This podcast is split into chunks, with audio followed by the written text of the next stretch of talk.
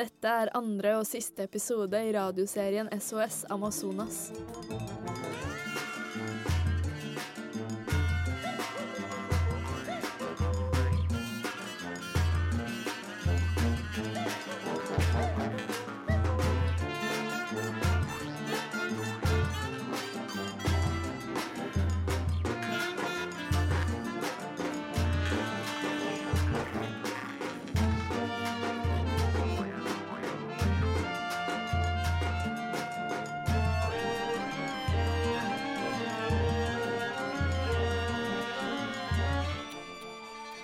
I denne episoden skal vi høre om hvordan det er å være i skoene til Barcarenas kjempere, som forsvarer miljøet og retten til verdige liv. Mijam Ribeiro og Sandra Morim står i front for hvert sitt landområde, og har lenge kjempet for at den omfattende forurensningen skal bli tatt tak i. Sandra Morim er 55 år og frontfigur i Kilombo-samfunnet Sao Joao i Barcarena. I desember 2019 var jeg en uke i Barcarena for å intervjue folkene der til denne dokumentaren. Jeg fikk tilbrakt mye tid med Sandra og sett de ulike delene av hverdagen hennes, alt fra hvordan hun organiserer møter med andre som bor i Sao Joao, til å møte familien som også bor der. De hun har med seg i kampen, er en mangfoldig gruppe. Det var til eksempel ikke uvanlig å se arbeidere som jobbet på Alunorte-raffineriet, på besøk hos Sandra. Da jeg var der, fikk jeg være vitne til et møte med INCRA, Brasils føderale institutt for kolonisering og landreform, i dag er Inkras mandat å jobbe med en rettferdig omfordeling av jord, men med en høyrevridd regjering har Inkra blitt kraftig kuttet i budsjettene. Representantene kom på besøk fordi Sao Joao hadde søkt om en offisiell tittel som et Quilombo-samfunn. Målet med søknaden er å skaffe flere rettigheter og mer beskyttelse. Beboerne i Sao Joao identifiserer seg som en Quilombo, men prosessen for å få det godkjent er lang og byråkratisk. Noe så lite som et kartleggingsmøte med Inkra tok flere år å få til, og føles ut som en stor seier, forklarte Sandra. På møtet tegnet beboerne av Quilombon Sao Joao et kart over deres territorium. Når det var ferdig, tok vi et bilde der alle holdt kartet sammen. Det var en viktig dag. Møtet foregikk hjemme hos Sandra, med flere fra familien hennes og andre fra bosetningen til stede. Gjennom oppholdet la jeg merke til at Sandras hus er et møtepunkt for lokalsamfunnet. Sandra er en koordinator og frontfigur, og det var tydelig at hun så det som essensielt å stå sterke sammen. Sandra pyntet aldri på kravene sine, i hvert fall ikke i rommet byråkrater. Hun var heller ikke redd for å fortelle om de urettferdige helseforholdene og kreve beskyttelse over territoriet, hennes familie og naturen. Men dette er ingen trygg affære. Ifølge Global Witness topper Brasil statistikken på drap av naturvernforkjempere. I 2019 var det et rekordhøyt antall med 212 mennesker. Det er gjennomsnitt på fire hver uke, og de fleste drapene gikk ustraffet. Det var folk som kjempet på en fredelig måte for retten til jord gjennom å forsvare deres hjem og stå opp mot naturødeleggelser. I 2018 ble en urfolksaktivist og hydrokritiker, Paulo Sergio Almeida Nascimento, drept i sitt eget hjem. Han hadde i lang tid kjempet mot forurensningen fra Alunorte-anlegget. Sandra Morim ble utsatt for et attentatforsøk i 2020. Hun kom hjem en kveld til at huset var blitt beskutt mens hun var ute. Dette var det siste av flere attentatforsøk og trusler. Jeg spør Sandra hvordan det er å være en kvinne som kjemper. I starten var det veldig flaut. Men i dag, som en lederskikkelse, en eh, koordinator, så klarer jeg å ha en god debatt med mine mannlige kamerater. Det er veldig kjipt å se menn snakke ned kvinner. Men jeg holder ikke lenger kjeft for menn. Jeg var stille altfor lenge, og jeg har gått hardt inn for at mine sønner skal respektere kvinner og ikke være mannssjåvinister. For meg er det bra å gå foran for mitt lokalsamfunn. Og det er ikke bare meg, men vi må gå sammen og se at vi har rett til å snakke, og rett til å kjempe. Sandra forteller også om deres fremtidige prosjekter, rettet mot andre kvinner. Vi har også en kvinnegruppe hvor flere lokalsamfunn og nabolag samles, og vi har planer. Det er flere kvinner som bor og jobber i dritt. Det går utover oss alle. Vi har kvinner som internaliserer mannssjåvinismen og viderefører sjåvinismen på andre kvinner. Målet er at kvinner skal frigjøre seg og slutte å være underdanig. Kvinnegruppen Sandra nevner, er et prosjekt som heter Kilombo for kvinner og feminismer. Kilomboen Sao Joao og utdanningsinstitusjonen Joao José Geraldo har inngått et samarbeid for å realisere dette. Prosjektet skal tilby skolering som skal styrke grasrotorganisering, med fokus på å endre kapitalistiske strukturer. Det handler også om å forebygge vold mot kvinner, spesielt svarte kvinner som er en del av tradisjonelle samfunn. Dette er fordi de er mer utsatt for institusjonell vold og vold i nære relasjoner. For å skaffe de økonomiske midlene til å gjennomføre dette, har man blant annet startet en innsamling i samarbeid med Kvinneutvalget til Latin-Amerika-gruppene, som er en norsk solidaritetsorganisasjon. Mijam Ribeiro fra Tawa skal også være med å koordinere kvinnegruppen. Har det blitt flere kvinner som kjemper i løpet av de siste årene? Vi er flere kvinner som kjemper nå enn det var for noen år tilbake. Og vi er mer dedikerte, modigere og dristigere. Vi lar oss ikke stoppe av motgang. Vi opplever at kvinnene i bevegelsen støtter hverandre. Dette gjør at vi har mer energi til å kjempe.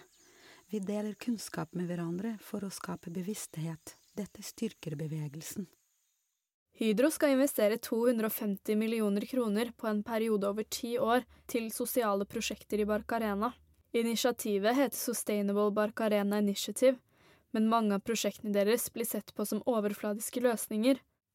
Sandra er med i en folkebevegelse for autonomitet over gruvedrift. Det vil si at de ønsker en folkelig styrt gruveindustri. Bevegelsen jobber for verdier som sto sentralt i Norges egne oljeeventyr på 70-tallet daværende arbeiderpartiregjering ønsket at oljen tilhørte folket, og ble investert på en bærekraftig måte som skulle sikre at flere generasjoner kunne oppleve godene, istedenfor at utenlandske selskaper tok med seg all verdien ut av landet. Dessverre tillater den globale kapitalismen og den kolonialistiske arven at den grove utnyttelsen av råvarer og mennesker i Brasil fortsetter. Aluminiaen blir tatt med ut av landet, og Hydro sitter igjen med milliardprofitt, mens lokalbefolkningen må takle forurensing i kropp, miljøkriminalitet, trusler og andre sosiale utfordringer. Ettersom området består av tradisjonelle samfunn som har livnært seg på jordbruk, fisking og småskala fruktsanking, var det mange som satt uten jobb etter utbyggingen av Alunorte-raffineriet og industriområdet. Dette var på grunn av forurensing, men også fordi næringslivet mislyktes i å skape velstand for lokalbefolkningen. Barcarena har derfor sett fremvekst av sosiale problemer som vold, kjønnet vold, dop, dårlige sanitetsforhold og lite tilgang på boliger. Jeg spør hvordan de undertrykkende strukturene påvirker Mijam og Tawa-folket. Disse påvirker oss uansett, om det er psykologisk eller fysisk. I Barcarena er det kapitalen som snakker høyest. Verken kommunen eller rådhuset stiller seg bak folket eller lokalsamfunnet, men alltid bak selskapene. Vi vet at Barcarena er en industriell pol, og vi vet at flere forskjellige prosjekter er på vei til Barcarena. Det er vi som må leve med de sosiale og miljømessige konsekvensene. Derfor må vi være klare for å vise motstand til disse store selskapene, fordi deres intensjon er å utvinne, mens lokalbefolkningen sitter igjen med lidelsen. Ja, det følger med noen arbeidsplasser. Men det følger også med mye negativ påvirkning som ikke alle ser. Mange tenker at de kan få seg jobb, men i realiteten er det ikke så enkelt å få til. Vi sitter for det meste igjen med de negative konsekvensene. Fordi kapitalismen alltid vil profitere. Vi er mange i den fattige klassen, men vi holder fokus og er sterke, så vi kan kreve rettighetene våre. Hver eneste dag med Bolsonaro mister vi flere rettigheter. Men Hydro har et annet blikk på seg selv. På mail skriver de I løpet av året har Hydro i Brasil annet satt i gang flere nye initiativer knyttet til kompetanseheving, entreprenørskap og miljø. Mer enn 6000 mennesker i Barcarena har deltatt og dratt nytte av disse tiltakene i 2020. Mijam Ribeiro har en annen opplevelse av hvordan Hydro har opptrådt. Mijam bor på Tawa, et område rett utenfor Hydros anlegg. Der har hun bosatt seg, og mener det er et landområde som de har krav på. Hydro mener det motsatte, og sier det tilhører deres industriområde. Mijam og andre som var bosatt på Tawa, ble kastet bort fra hjemmet deres i 2017, men okkuperte igjen kort tid senere. 43-åringen var i Norge for første gang i 2018, i forbindelse med NRKs Brennpunkt-dokumentar Et lytestykke regnskog. Under dette besøket etablerte Mijan kontakt med direktøren Jon Tuestad for første gang. Da fortalte han at de skal fortsette samarbeidet med Tawa-folket. Mijan var på et møte med Hydro etter besøket i Norge. Hun forteller meg litt om hvordan det gikk. Etter besøket mitt i Norge inviterte Jon Tuestad, direktøren av Alunorte-anlegget, meg til å snakke om situasjonen til Tawa. Jeg prøvde å nå han flere ganger, uten å lykkes. Da jeg til slutt ble invitert til møte, ble vi tatt imot av en annen direktør, og Jon kom i siste liten. De begynte med å forklare deres interesser i området vårt. Jeg var tydelig på at når det kommer til territoriet vårt, ønsker vi ingen diskusjon om vi skal selge jorda til dem eller ikke. Vi ønsker å bo på jorda vår. I løpet av denne samtalen fortalte de oss at de ikke kunne love noe som helst, i hvert fall ikke i form av en avtale. Derimot avtalte de et nytt møte som aldri ble noe av. Jeg spør Hydro om de har en kommentar på det Mijam sier om behandlingen hun og andre beboere fra Tawa har opplevd fra Hydro og direktøren sin side. Hydro er en stor og viktig aktør i staten Para. Hydro i Brasil har gjennom 2020 tatt del i mer enn 100 møter med ulike lokalsamfunn i områdene der vi har aktiviteter. Møtene har funnet sted fysisk der det har latt seg gjøre, og digitalt for å etterkomme gjeldende smittevernregler.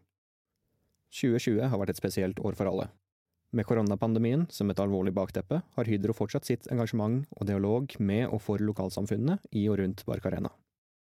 Jeg spør Sandra om hun kan fortelle meg litt om kampen for territoriet deres. Hvilke utfordringer har dere møtt på som naboer av Hydro? For oss som bor her i Morin i Kilombo, så er det utrolig vanskelig. Fordi vi blir ikke betraktet som en Kilombo. Hydro ser bare profitt, og det er en lang vei å gå før de tar tak i de sosiale problemene.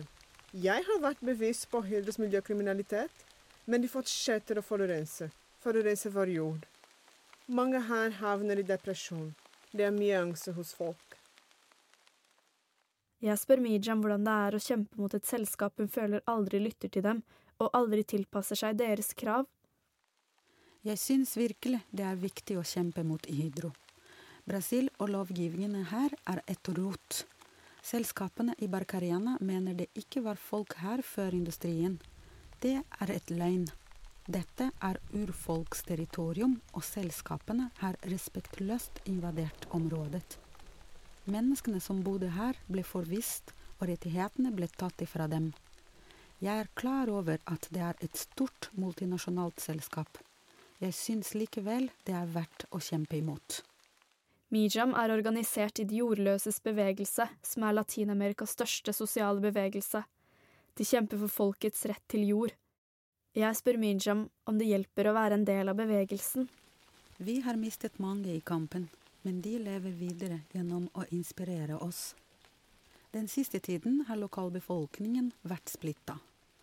Men vi har også fått mer styrke, og dette er positivt. Det er bra at vi kjemper sammen, snakker det samme språket og ikke forblir nøytrale når den største utfordringen vi har i Barcarena, er kampen om territoriet. Den kollektive kampen motiverer meg til å trosse frykten min og gå i møte med utfordringene som kommer hver eneste dag. Jeg avslutter begge samtalene med Sandra og Mija med å spørre om de har noe de vil si til den yngre generasjonen som deltar i kampen. Jeg vil si til den yngre generasjonen at de må fortsette å være venner og ikke behandle andre dårlig. Vi må samle oss og kjempe sammen. Dere er den nye generasjonen krigere som forbereder dere for slagmarken.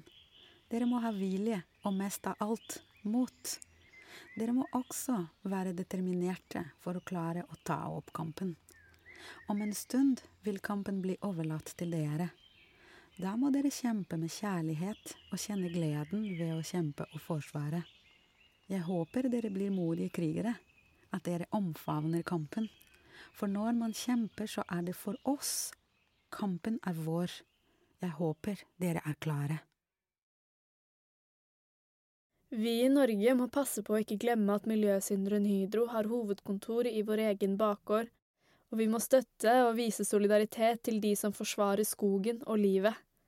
Selskapet lukker øynene for miljø- og urfolksaktivister som opplever forfølgelse, drapstrusler, forurensing og andre sosiale problemer på grunn av Hydros tilstedeværelse. Når selskapet hadde flere øyne på seg i 2018 og fikk press fra flere hold, klarte de ikke å vri seg unna. Som Mijem og Sandra sier, er det viktig å kjempe sammen. Amazonas-regnskogen er jordas grønne lunger og opplever økning i nedskoging.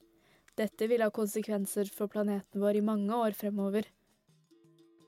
La oss fortsette å løfte de som kjemper for fremtiden, og ansvarliggjøre de som skaper ødeleggelse.